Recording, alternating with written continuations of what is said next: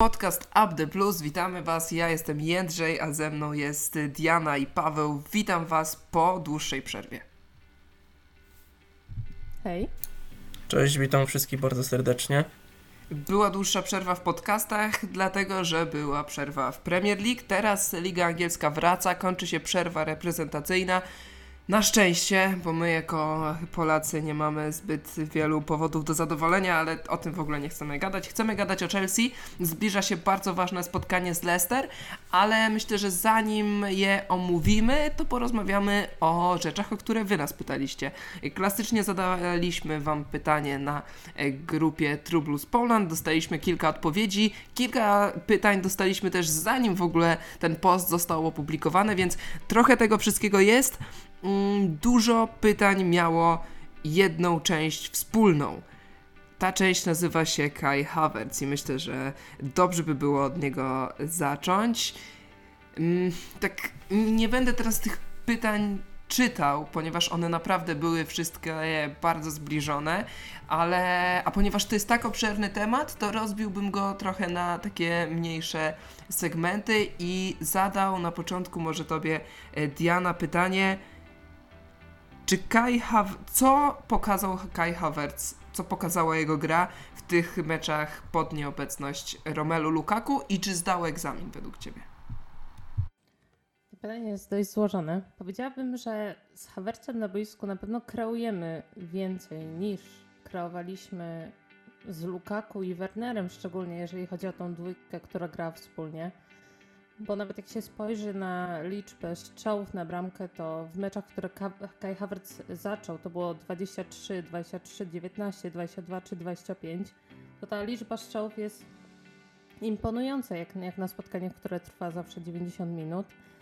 I tak naprawdę wiele osób czeka na powrót Lukaku, a według mnie powrót Lukaku wcale nie wyklucza gry Kaja Havertza z przodu razem, bo tak jak już kiedyś wspominałam na tym podcaście, według mnie optymalną trójką z przodu powinien być Mount, Kai Havertz i Lukaku i wydaje mi się, że Kai Havertz może wyciągnąć więcej z Lukaku niż będzie wyciągał y, Werner, a jeżeli chodzi o te spotkania, w których wypadli obaj i y, Kai Havertz musiał ich zastępować, według mnie nie wypadł źle. Bardzo dużo osób patrzy na takie suche statystyki, czy na te takie minusy, jak przegrywane pojedynki siłowe na, na miejscu, czy pojedynki, jeżeli chodzi o, nie wiem, odbijanie piłek y, głową, czy jego strzały głową.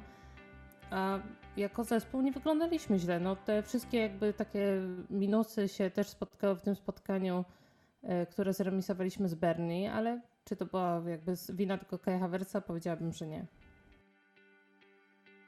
No to myślę, że Paweł możesz trochę uzupełnić albo dodać swoje zdanie, bo jestem, jestem ciekaw, jak na to patrzycie, bo mm, interesuje mnie to, co gra Kaja Hewerca pokazała, bo według mnie pokazała to, że no on nie może grać na dziewiątce, że jednak yy, abstrahując od tego, czy on powinien grać w pierwszym składzie, czy nie, bo o tym, jaką trójką wyszlibyśmy na te najbliższe spotkania, porozmawiamy sobie zaraz, ale yy, jak nie ma Lukaku, to nie mamy dziewiątki. Po prostu. I trzeba tej dziewiątki szukać albo w zimie, albo grać bez niej, bo nie za bardzo gra wychodzi z Havercem i według mnie bardziej Havertz będzie nam się podobał, e, gdy na boisku będzie Lukaku, niż, niż w tych ostatnich meczach. Jak ty na to patrzysz?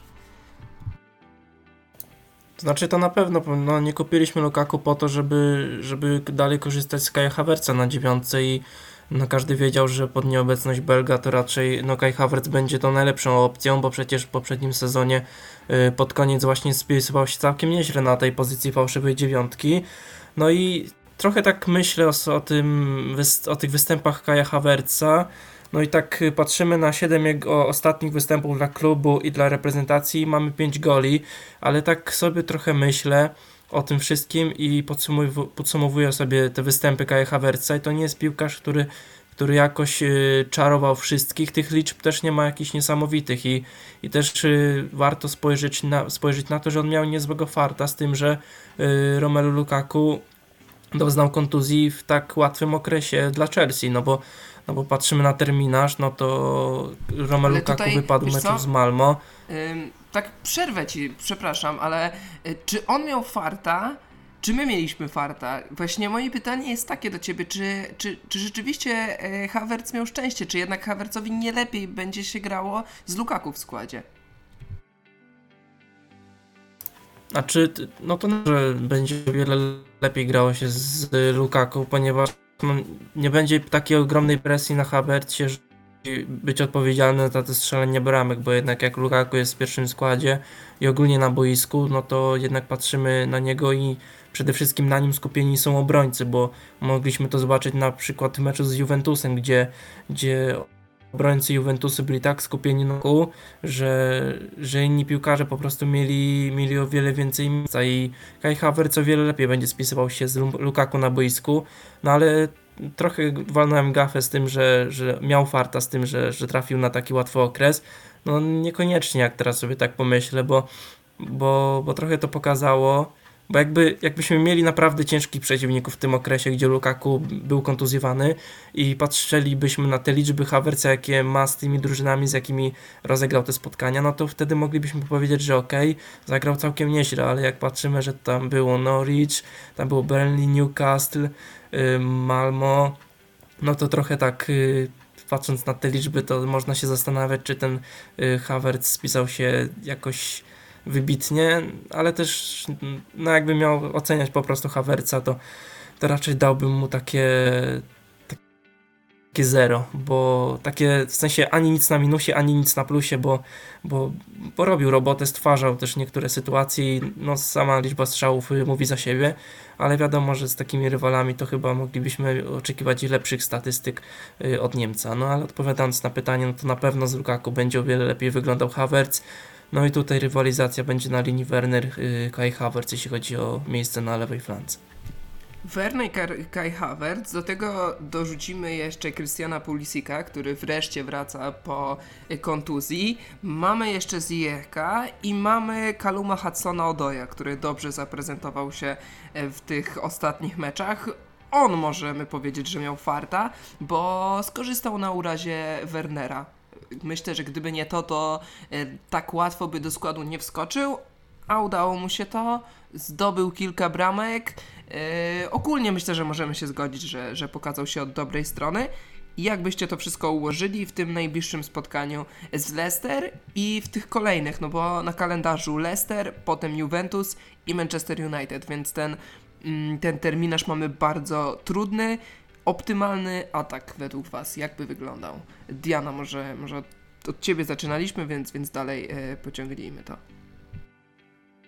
Pewnie, pewnie. E, no tutaj dużo zależy, e, czy, czy Lukaku będzie mógł wystąpić w tym spotkaniu. To te takie klasyczne spotkanie o 13.30 w sobotę, e, zawsze jakoś tam pechowe albo zaskakujące.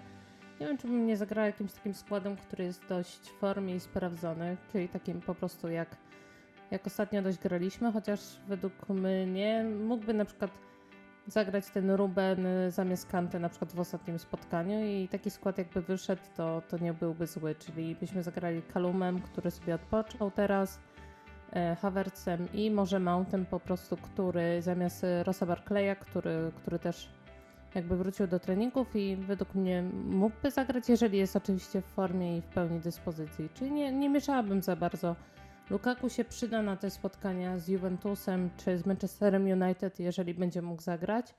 Czy warto go ryzykować z Leicester na wyjeździe? Leicester w tym sezonie nie jest aż w takiej formie, żeby, żeby to było spotkanie na takim topie, jak, jak to było na przykład kilka sezonów temu. Więc może warto dać mu jeszcze odpocząć, czy wrócić do pełnej dyspozycji. Czyli to, to, to ciekawe spojrzenie. nie mieszałabym za bardzo. No.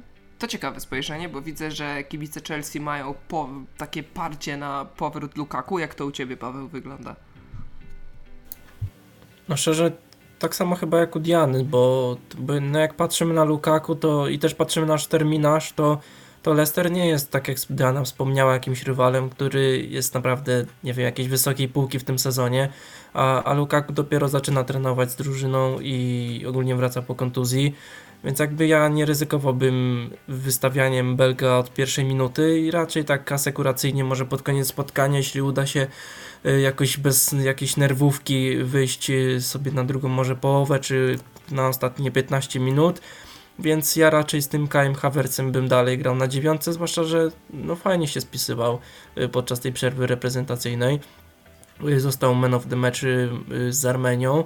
Więc, y, więc ja na pewno tym Kajem Havertzem bym y, wyszedł od pierwszej minuty, no i nie ryzykowałbym z tym Lukaku, bo, bo przed nim jeszcze o wiele ważniejsze spotkania z Juventusem, mecz o wszystko, jeśli chodzi o pierwsze miejsce w fazie grupowej, no i później Manchester United, który wiadomo też nie jest w jakiejś wysokiej formie, ale, ale wiadomo, że Chelsea lubi, lubi takie mecze, gdzie, gdzie komuś nie idzie, to my lubimy dać y, ten troszkę takiego kopa pozytywnego jakimiś y, punktami właśnie, więc y, no ja jestem zdania jak, jak Diana, że, że raczej byłbym taki spokojny, nie parłbym się na tego Lukaku, bo, bo jego czas przyjdzie tak naprawdę i, i, i on dostanie szansę przede wszystkim w okresie świątecznym, gdzie, gdzie już wejdzie w ten tryb meczowy, będzie, będzie naprawdę, mam nadzieję, w ogniu i, i zobaczymy w końcu Belga takiego, jakiego chcemy zobaczyć, bo wydaje mi się, że od meczu z Arsenalem takiego Belga jeszcze nie zobaczyliśmy. No, może od meczu z Aston Villą, tak, tak bym się tutaj nakłócił, tam jednak dwie bramki strzelił, więc, yy, więc to trzeba mu oddać. A, no rzeczywiście tak. E, a, ale dobrze, że wspominasz o tej reprezentacji Niemiec, bo myślę, że wiele osób tego, tych meczów nie oglądało, bo, bo i po co. E, Niemcy grali na początku z Luksemburgiem, potem z Armenią, to były łatwe spotkania, ale to co jest ważne to to, że Havertz grał tam właśnie na e, dziewiątce, grał jako najbardziej wysunięty zawodnik, za plecami miał Sanę i Millera, czyli trochę podobnie, no można, można oddać, że, że my mamy, mielibyśmy Hudsona Odoja i e, Mount a, a Havertz przed nimi. Ja nie wiem, czy bym, czy bym tak podszedł do, do tej sprawy. Wiadomo, że że my nie wiemy, co się dzieje z Lukaku dokładnie. On wrócił do treningów zaraz na początku przerwy reprezentacyjnej, ale w jakiej jest dyspozycji, trudno to przewidzieć. Ale jeżeli może grać, ja bym, ja bym jednak stawiał na Lukaku. A jeśli chodzi o boki, no to tak jak, tak, tak jak e, powiedzieliście, Hudson Odoi i Mason Mount. Tutaj bym nic nie zmieniał. Ewentualnie, już chyba jakbym miał z kogoś rezygnować, to zrezygnowałbym z Mounta i na jego miejsce właśnie Havertza wystawił. Nie z Kaluma. Kalum grał dobrze. Kalum mm, no, pokazywał to, czego nam, nam, nam trochę brakowało, czyli tej takiej dynamiki w ataku. Był on jest właściwie jedynym zawodnikiem w naszym składzie, który umie przyjąć piłkę, urwać się przeciwnikowi i, i zrobić akcję. Pokazał to z Newcastle, więc, więc e, z Kaluma bym nie rezygnował, ale raczej miałbym takie parcie, żeby jak najszybciej Lukaku do składu e, wstawić o ile oczywiście nie ma kontuzji, bo gra z kontuzją to jest najgorsze, co może być. Pamiętamy mm, N'Golo Kante za, za Mauricio Sariego, to się bardzo źle odbiło na jego zdrowiu. Żeby tak nie było z Lukaku, no bo innego napastnika nie mamy. Mm, tutaj dochodzimy, myślę, że do kolejnego pytania. Pytania o skład Chelsea. Czy po tych y, już dwóch czy trzech miesiącach nawet gry jesteśmy w stanie ułożyć taki najlepszy skład Chelsea, taką jedenastkę, którą byśmy posłali. Jeżeli na przykład jutro gramy finał Ligi Mistrzów, jaki skład wystawiacie? E, to jest pytanie od Trepy, za które oczywiście serdecznie dziękujemy i no i może teraz zaczniemy od Pawła. Jutro jest finał Ligi Mistrzów.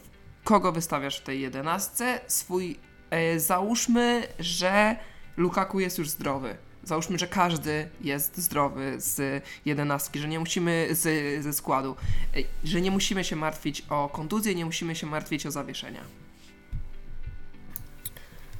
To chyba jakoś za bardzo nie zaskoczę. No wiadomo, na bramce no Mendy, w obronie Silva, Ridiger i Christensen, y, na wahadłach y, Ben Chilwell i Rich James, bo raczej tutaj też zaskoczeń nie ma. Zrezygnowałbym za Spilicuety mimo wszystko, bo, bo raczej reszta środkowych obrońców jest w takiej formie, że, że ten Aspilicueta nawet y, by się u mnie nie znalazł. No środek pomocy to to raczej Kante i Kowacić, bo, bo raczej no Kowacić to przewyższa Jorginho na boisku swoją rolą po prostu. A, tak patrząc y, wyżej, no to Timo Werner, Romelu Lukaku i Mason Mount bo, bo raczej patrząc na to, jak, y, jak spisywał się Kai Havertz i Timo Werner, to, to raczej mam takie y, większe pozytywne wrażenie oglądając Timo Wernera na lewym skrzydle niż Kaja Havertza, bo, bo raczej ja nie mogę się takie pozbyć tego wrażenia, że, że, że Havertz troszkę jeszcze taki za delikatny jest na, na takie starcia z niezłymi rywalami, ale no, tak jak powiedziałem, Timo Werner za, zamiast y, Havertza, Lukaku i Mason Mount. No to Diana, jaki, jaki w takim razie, y, jaka będzie twoja jedenastka, czy co coś byś tu zmieniała? No podejrzewam, podejrzewam, że tak. Pewnie tak. Y, chyba głównie dwie zmiany, czyli y, byśmy zaczęli tak samo, czyli Eduard Mendy, Antonio Rüdiger, Thiago Silva oraz Andras Christensen, Chilwell i E, Rhys James. Jeżeli chodzi o środek pola, aktualnie ja bym postawiła na Kowacicza i Jorginho, e, a z przodu bym postawiła na trójkę, która gra z Arsenalem oraz Tottenhamem, czyli Mounta, Lukaku i Havertza. E, tak jak już wspomniałam wcześniej, dla mnie ta, ten duet, ten, ta trójka z przodu jest bardziej taka uniwersalna i lepiej się rozumie niż, niż Lukaku z Wernerem w tych meczach, które widziałam w tym sezonie. Bar Werner lepiej wyglądał przy Lukaku niż Lukaku przy Wernerze i, i Lukaku trochę tracił przy, grając z tym Wernerem z przodu. Um, tak naprawdę w tym sezonie nie, widzieliśmy takiej optymalnej jedenastki, bo jak grał Lukaku, to na przykład nie grał Ben Chilwell, a jak przestał grać Lukaku, to zaczął Chilwell, więc zobaczymy jak to będzie wyglądać w dalszej części sezonu. Ja chyba, mi, mi, chyba bliżej do tego twojego składu. Może jedyne co to bym jednak postawił na, na Spiriquetę. E, to jest kapitan, więc jeżeli byśmy rzeczywiście grali ten finał Ligi Mistrzów, jak powiedziałem, to, to chciałbym mieć takiego lidera na, na boisku i wtedy z, wstawiłbym go kosztem Tiago Silva. Mm, myślę, że tutaj dużo osób by się nie zgodziło, bo przecież Silva to świetny zawodnik i także lider, ale ja chyba pewniej bym się czuł z mm, Rudigerem, Christensenem i Aspilicuetą. Jeśli chodzi o atak, to, to też to, to, się, to się z Tobą zgadzam, Diana, nie zgadzam się z Tobą, e, Paweł. Chociaż tak sobie myślę, że mm, Pulisic niekontuzjowany, zdrowy, w formie jest w stanie gdzieś tam do tego składu wskoczyć, ale ponieważ ostatnią dobrą formę miał e, ponad rok temu, to trudno, trudno go tutaj e, jakoś uwzględniać w tym składzie, ale, ale wierzę, że na pewno Pulisic będzie kimś, kogo, kogo w tej optymalnej jedenastce chociaż będziemy e, rozważać, no bo w tym momencie to myślę, że, że ani, ani tobie Diana, ani tobie Paweł to nawet nie, nie przeszło przez myśl. No bo wiadomo. No, dlatego, chociaż szczerze jakbym miał, miał pomyśleć sobie. Chociaż szczerze, jak ja miałbym sobie pomyśleć i tak wziąć y, Pulisika z jednego okresu z tamtego sezonu, to, to jakbym miałbym go wziąć właśnie z dwóch meczów z Realem, to to nawet bym się nie wahał i brałbym y, Pulisika zamiast Wernera do składu. No ale no ciekaw jestem właśnie jak, jak Pulisic y, będzie spisywał się z Lukaku w składzie. No i mam nadzieję, że kiedyś to zobaczymy. Nie no, wiem, czy Diana masz... Będę trochę, trochę inny okres Pulisika, czyli druga połowa sezonu 19-20. E, to byłby pewnie ten, ten zawodnik, który, który byłby tam must have'em w tym składzie. No ale tego polityka aktualnie nie ma, tak? Więc czy wróci, to też ciężko powiedzieć. Ale warto odnotować, że Pulisic wrócił do składu reprezentacji Ameryki, USA. On właśnie w tej reprezentacji, grając mecz w barwach narodowych, odniósł kontuzję, po której pauzował miesiąc ponad i teraz wrócił właściwie na kilka minut meczu z z Barney, zagrał je średnio, ale też miał bardzo mało minut, to była po powrocie i tak dalej, i tak dalej, więc nie ma, nie ma co mu tego wypominać.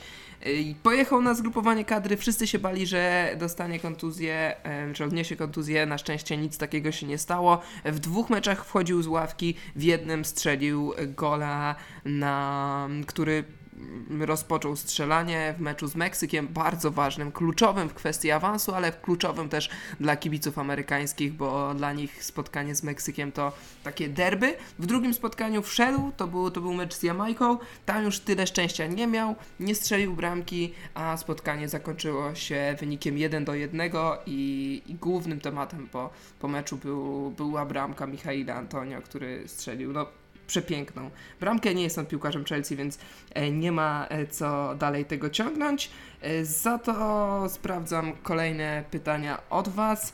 Kto powinien wykonywać rzuty karne? Czyli przechodzimy do bardziej takich tematów przyziemnych, ale, ale też ważnych. Kto powinien wykonywać rzuty karne? Przede wszystkim myślę, że chodzi o formę Jorginho w reprezentacji formę tylko dotyczącą strzelania rzutów karnych, bo, bo nie wydaje mi się, żeby zagrał źle, chociaż meczów nie oglądałem, ale nie widziałem e, żadnych negatywnych opinii stricte o jego grze. Za to widziałem negatywne opinie o strzelaniu karnych, no bo kolejnego karnego nie trafił, karnego na wagę awansu bezpośredniego na Mistrzostwa Świata. Czy możemy mówić o kryzysie Jorginho? jeśli mówimy o strzelaniu rzutów karnych i kto, e, jeśli nie on. Paweł może. Mm, tak jak sobie spojrzałem właśnie na ten y, ostatni karny, kiedy został obroniony w lidze przez Jorginho, to tak sobie myślę, że, że już trochę ci bramkarze zaczęli y, ogarniać, jak, jak Jorginho te karne strzela i i w reprezentacji znowu zmarnował rzut karny, no i tak sobie myślę, kto mógłby za niego strzelać i mam postać Masona Mounta, ale, ale no Mason Mount ostatnio karny też strzela fatalnie, więc, więc ta lista trochę się, trochę się skróciła, no ale dalej mamy postać Romelu Lukaku, który jak wróci z kontuzji to też jest tym egzekutorem rzutów karnych niezłym, a gdyby nie Lukaku to, to szczerze tak raczej szedłbym w stronę może takiego Risa Jamesa, chociaż no szczerze nie wiem, jakby może Jorginho dał mu tego karnego, chociaż wiadomo, że wtedy Rhys James nie chciał karnego, kiedy mógł strzelić hat-tricka, to, to ciekaw jestem jak właśnie Rhys James sobie by poradził z jedenastką, ale raczej Romelu Lukaku, bo bo, bo Jorginho już chyba trochę jest y, rozgryziony przez, przez naszych bram, y, przez bramkarzy y, przeciwników. Czyli Paweł zmienia, zmienia wykonawcy rzutów karnych. Ja na przykład bym chyba jeszcze nie zmieniał, patrząc na to, że w Chelsea dobrze strzelał te karne. Ostatniego nie trafił w meczu z Arsenalem prawie rok temu. Więc chyba y, dałbym mu ten kredyt zaufania, a jeśli nie, to pierwszym moim wyborem właśnie by był Rhys James.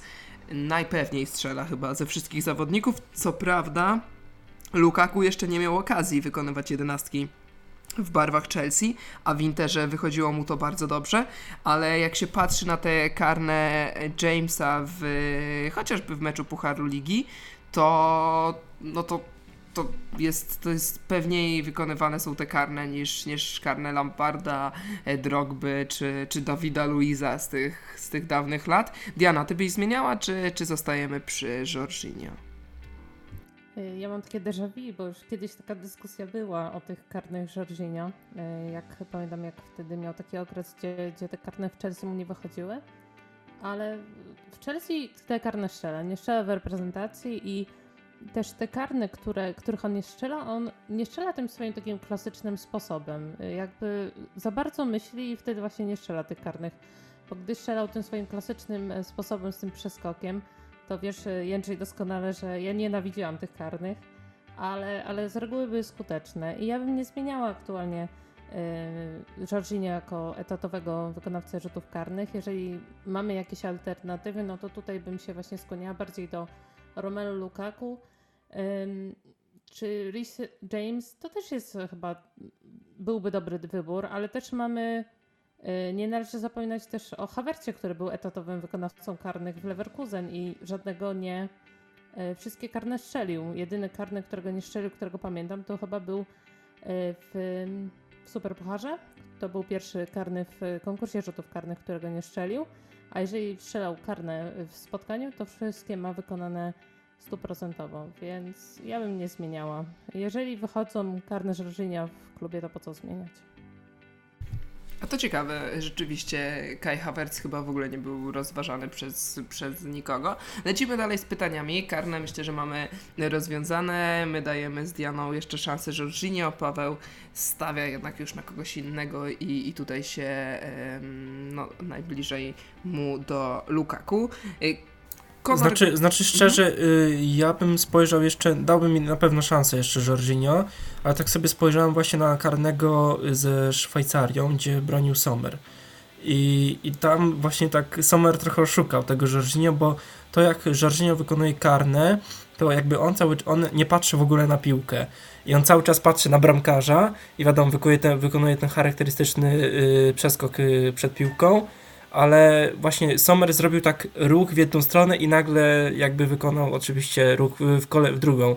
I, I tu się zastanawiam właśnie, czy to nie jest jakby sposób na Jorginho, bo przecież on patrzy cały czas na tego bramkarza do ostatniej sekundy i jednak on patrzy na ten ruch po prostu w jedną stronę i, i ciekaw jestem właśnie, czy te rzuty karne Jorginho gdzie one były pewnikiem, bo nie wiedzieli kompletnie bramkarze jak bronić te, te karne, przez to, że jakby on wyczekiwał do ostatniej sekundy z tym z decyzją, w który róg strzelić. I, i czy właśnie teraz y, przez to jak właśnie nawet Sommer obronił tego karnego, to, to tak się skłaniam do, do powiedzenia, że, że raczej kiedy rzuty karne Jorginho był takim pewnikiem, że jakby on zawsze strzeli w, w, stronę drugą, gdzie rzuci się bramkarz, bo jakby obserwuje to do ostatniej sekundy, to, to teraz y, tak oglądając ten rzut karny przeciwko Sommerowi, to, to raczej takie 50 na 50 jak zawsze karne są, bo raczej karne nie są nigdy pewnikiem i, i, i Jorginho trochę wchodzi już w takie 50 na 50 y, niż raczej to, że on zawsze strzeli tego karnego.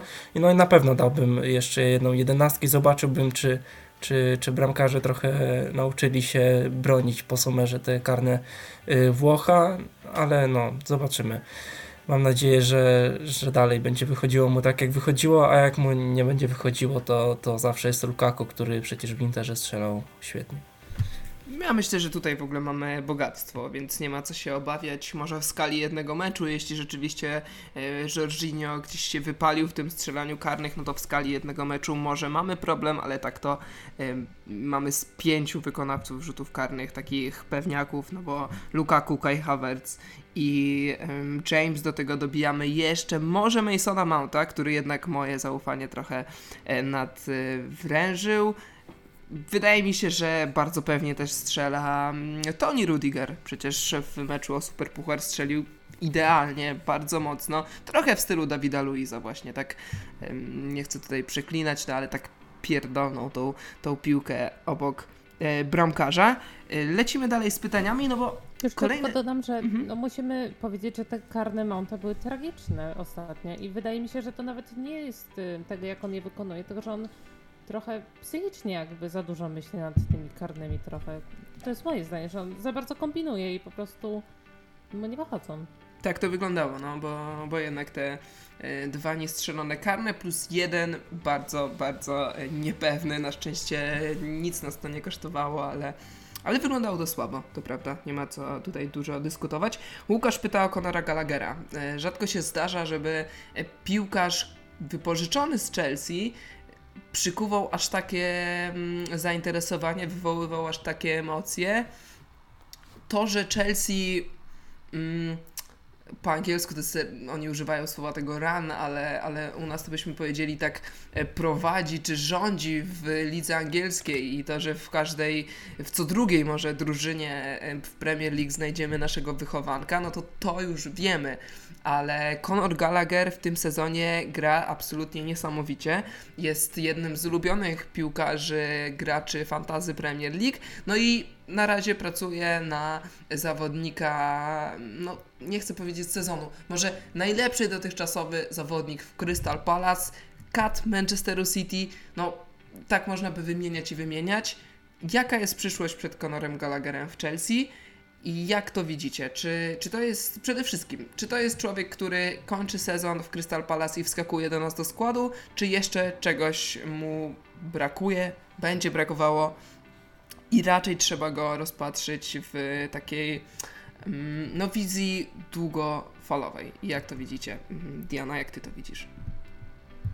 Y, ja widzę to tak, że musimy poczekać do końca sezonu, bo po poprzednim wypożyczeniu Conora nie mówiło się w ogóle o Conorze jako jakimś uzupełnieniu składu Chelsea. Y, dopiero właśnie podczas tego wypożyczenia ludzie rozważają, czy on może być takim uzupełnieniem składu i takim zawodnikiem, którego aktualnie nie mamy, czyli bardzo wszechstronnym i takim, który odnajduje się mocno w polu karnym i też nie boi się takiego y, czy strzału z dystansu, czy ogólnie strzału, bo mamy trochę, jeżeli chodzi o tych pomocników, trochę problem, jeżeli chodzi o tą decyzyjność, szczególnie w strzałach, czy podejmowaniu decyzji czasem o nich. Więc ja bym tutaj dała cały sezon Conorowi. No ale kwestia jest tego, że jeżeli weźmiemy Conora do składu Chelsea na przyszły, przyszły sezon, to musimy sprzedać kogoś po prostu z aktualnych zawodników. I czy to będzie Ross Barkley, czy to będzie Hakim Ziyech, no ktoś musi odejść, by, by Conor mógł dołączyć do składu, ale czy będzie zawodnikiem pierwszego składu? Nie sądzę. Bardziej uzupełnieniem. Ale też trudno według mnie mówić o pierwszym składzie. Widzimy, Thomas Tuchel właściwie zmienia jedenastkę co mecz, a co do tych pożegnań wydaje mi się, że no, odejście Rosso Barclaya jest raczej nieuniknione. To jest zawodnik, który w tym sezonie może nam jeszcze pomóc nieraz, ale ogólnie nie sądzę, żeby go zadowoliła y, pozycja czwartego środkowego pomocnika w Chelsea. Co do Zieka, nie chciałbym go jeszcze skreślać. Mm, tak, i, i chyba tu postawię kropkę. Ale nie, no też to wygląda tak, że, że, że jednak jego, jego odejście jest gdzieś tam na, na horyzoncie. Mamy plotki o Barcelonie, mamy plotki o Milanie, o ewentualnym powrocie do Ajaxu. Więc y, kluby są nim zainteresowane, a wydaje się, że Thomas Tuchel zainteresowany nim jest y, coraz mniej, zwłaszcza, że właśnie ma takiego Conora Gallaghera. Ja uważam, że to jest y, zawodnik, który może sezon zacznie na ławce, ale ale jest w stanie się do tego składu przebić. To jest przede wszystkim ktoś, kogo, kogo warto mieć w składzie. On jest, on jest młody, on jest waleczny, on gra dobrze w obronie, gra też dobrze w ataku, jest takim zawodnikiem box to box i na przykład gdybym kogoś miał wskazać, czy, czy mm, kto mi się w tym sezonie bardziej podoba, Ruben Loftus-Cheek czy Conor Gallagher. To totalnie bym wskazał Gallaghera i dla mnie on e, powinien być na pewno w tej hierarchii wyżej niż, niż wspomniany Barclay, Loftus-Cheek czy, czy Ziyech, chociaż myślę, że jeżeli Chelsea będzie go ściągać, to bardziej na środek pola niż na skrzydła, które i tak w ustawieniu z wahadłami nie są nam jakoś, jakieś bardzo e, potrzebne. Paweł, e, Conor Gallagher w przyszłym sezonie, później jak, jak, jak to wszystko oceniasz? No z pewnością patrzyłbym na rozwój sytuacji w obecnym sezonie, bo jak patrzymy na, na to, co obecnie wyprawia Conor Gallagher, to grechem było, byłoby nie sprowadzić go na koniec sezonu, ale też widzimy trochę, trochę powrót do formy Rosa Barclaya, też Ruben Loftus-Cheek y, zaczyna całkiem nieźle sobie radzić, więc, y, więc zobaczymy w ogóle, czy, czy to będzie aż tak bardzo konieczne y, właśnie sprowadzanie. Mówimy sobie o, odejściu Hakima Ziyech i raczej ja chciałem, żeby on sobie już y, podziękował na Stamford Bridge. No, ale czy, czy tak ściągać tego Gallaghera, no ciekaw jestem jak on sobie będzie radził tym Krystal jak ogólnie będzie sobie radziło Crystal Palace, bo oni mają może Patryk Vieira nie miał dobrego debiutu, jakiegoś rewelacyjnego w Krystal, tak teraz jest to drużyna naprawdę niezła. I właśnie raz y, słuchałem sobie ostatnio podcastu y, Przemka Rockiego i Michała Gutki właśnie na temat y, Crystal Palace. I wtedy właśnie wspominali o tym, że że, że, że, że, że wszyscy, którzy, wszyscy piłkarze, którzy wspominają o tym, jakim trenerem jest Vieira, oni właśnie mówią, że jak na jego tak krótki staż, on jest naprawdę świetnym trenerem i i, I wydaje mi się, że jeśli tak Krystal będzie dalej grało, a my będziemy mieli pod formą Barclaya, Rubena i, nie wiem, może jeszcze Saul wróci do formy, choć w to naprawdę wątpię, to, to szczerze powiedziawszy, ja bym tego Gallaghera jeszcze może zostawił na przyszły sezon tym Krystal, bo, bo niech, niech ten chłopak czerpie od tego Patryka Wiejry tyle, ile się da bo, bo u nas po prostu wydaje mi się nie będzie grał tyle, ile może grać w tym Krystal. I niech on ogrywa te minuty i niech gra tyle, ile się da.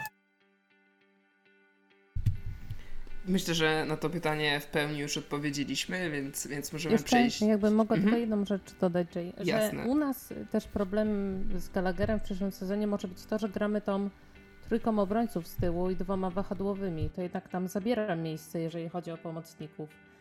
I gdybyśmy grali czwórką z tyłu, to zawsze by było to dodatkowe miejsce, na przykład właśnie dla Gallaghera, y, jeżeli chodzi o środkowych pomocników, a tak to zawsze musimy postawić na dwójkę. I to też nas mocno jednak ogranicza.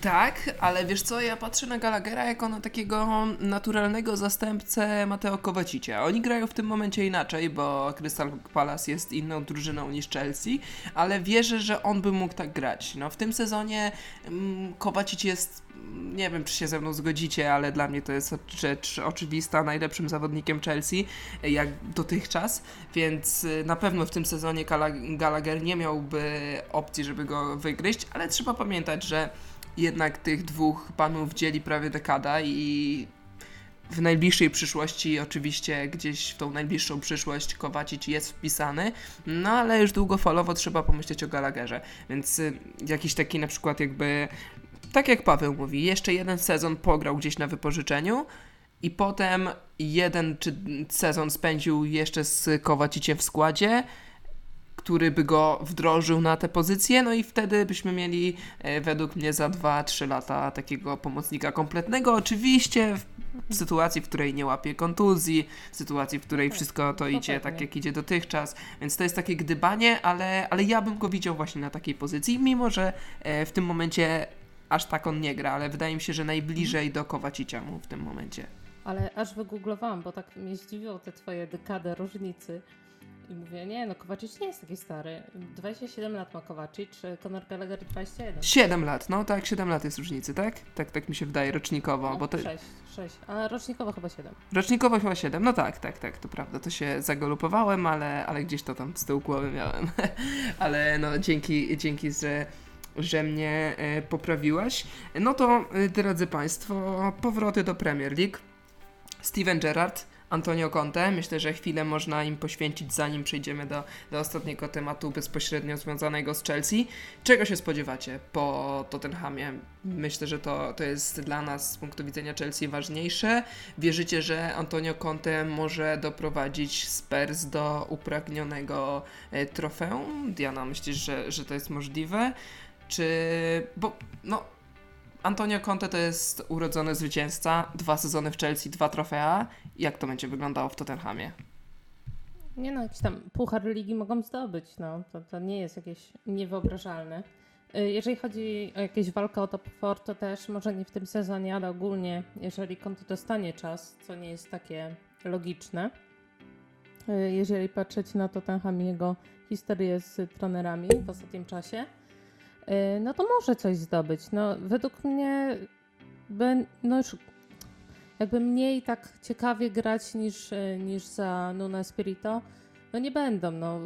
Conte to zawsze jest jakiś taki element tej takiego nieprzewi- y, bycia nieprzewidywalnym, czy, czy może wydobycia najlepszego z Kane'a czy Sona, bo Kane w tym sezonie, jeżeli chodzi o Premier League, nie zalicza się do najlepszych napastników w formie. Więc ja obstawiam, że Tottenham na pewno będzie grał lepiej niż grał w tym sezonie.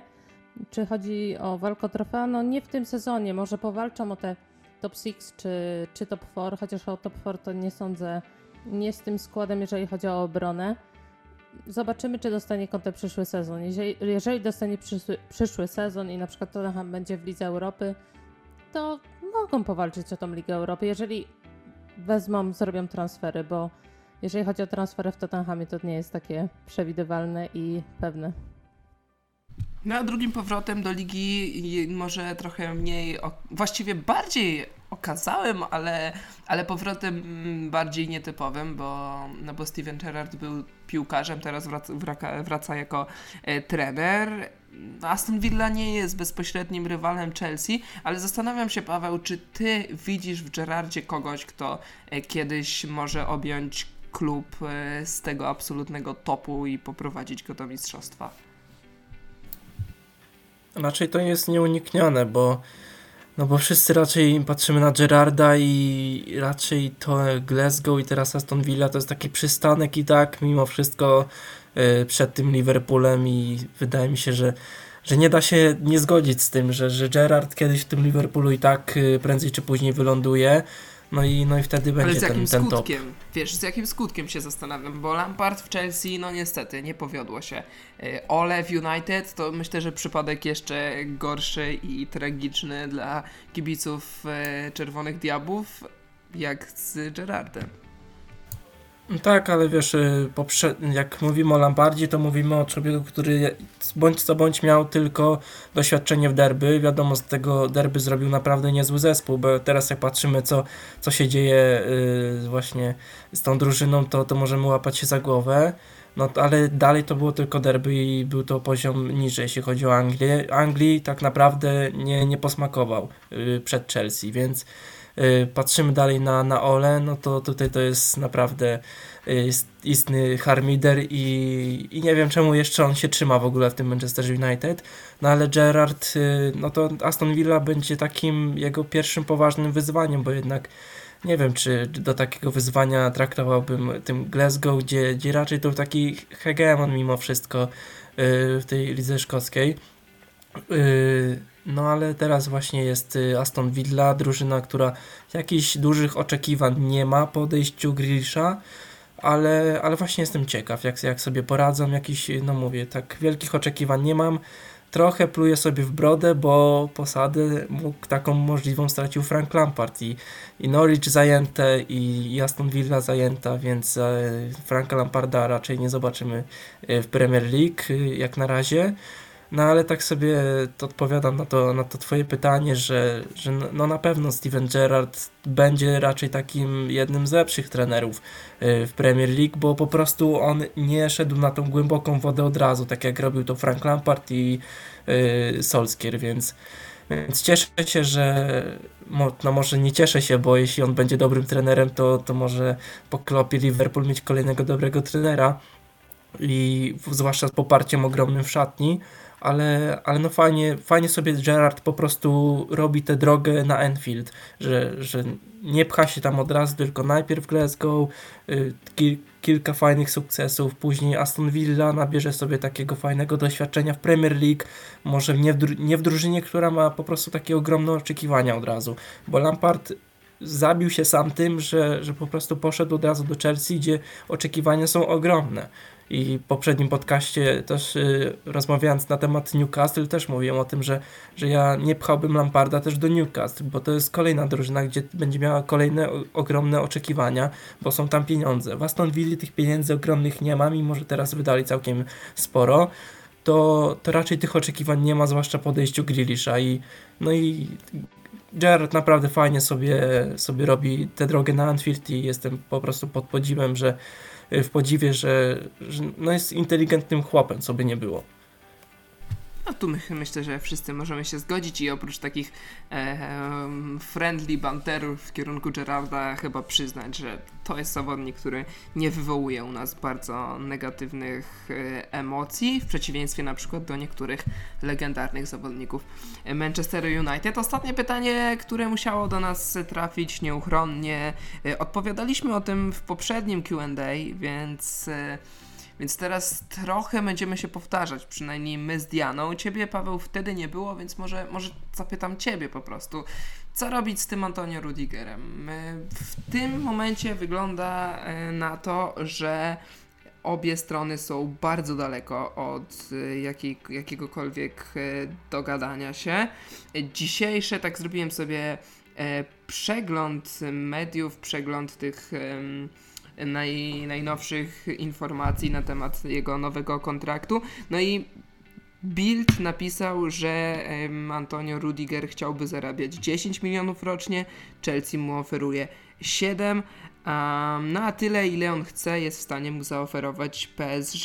To o tym akurat pisze The Athletic, który, który powołuje się na, na, na oczywiście na jakieś swoje źródła i twierdzi, że Paryżanie są w stanie wyłożyć 40 tysięcy 400 oczywiście tysięcy e, euro tygodniowo, czyli coś, e, czego no Chelsea na pewno nie jest w stanie, bo Chelsea nie chce nawet dać połowy.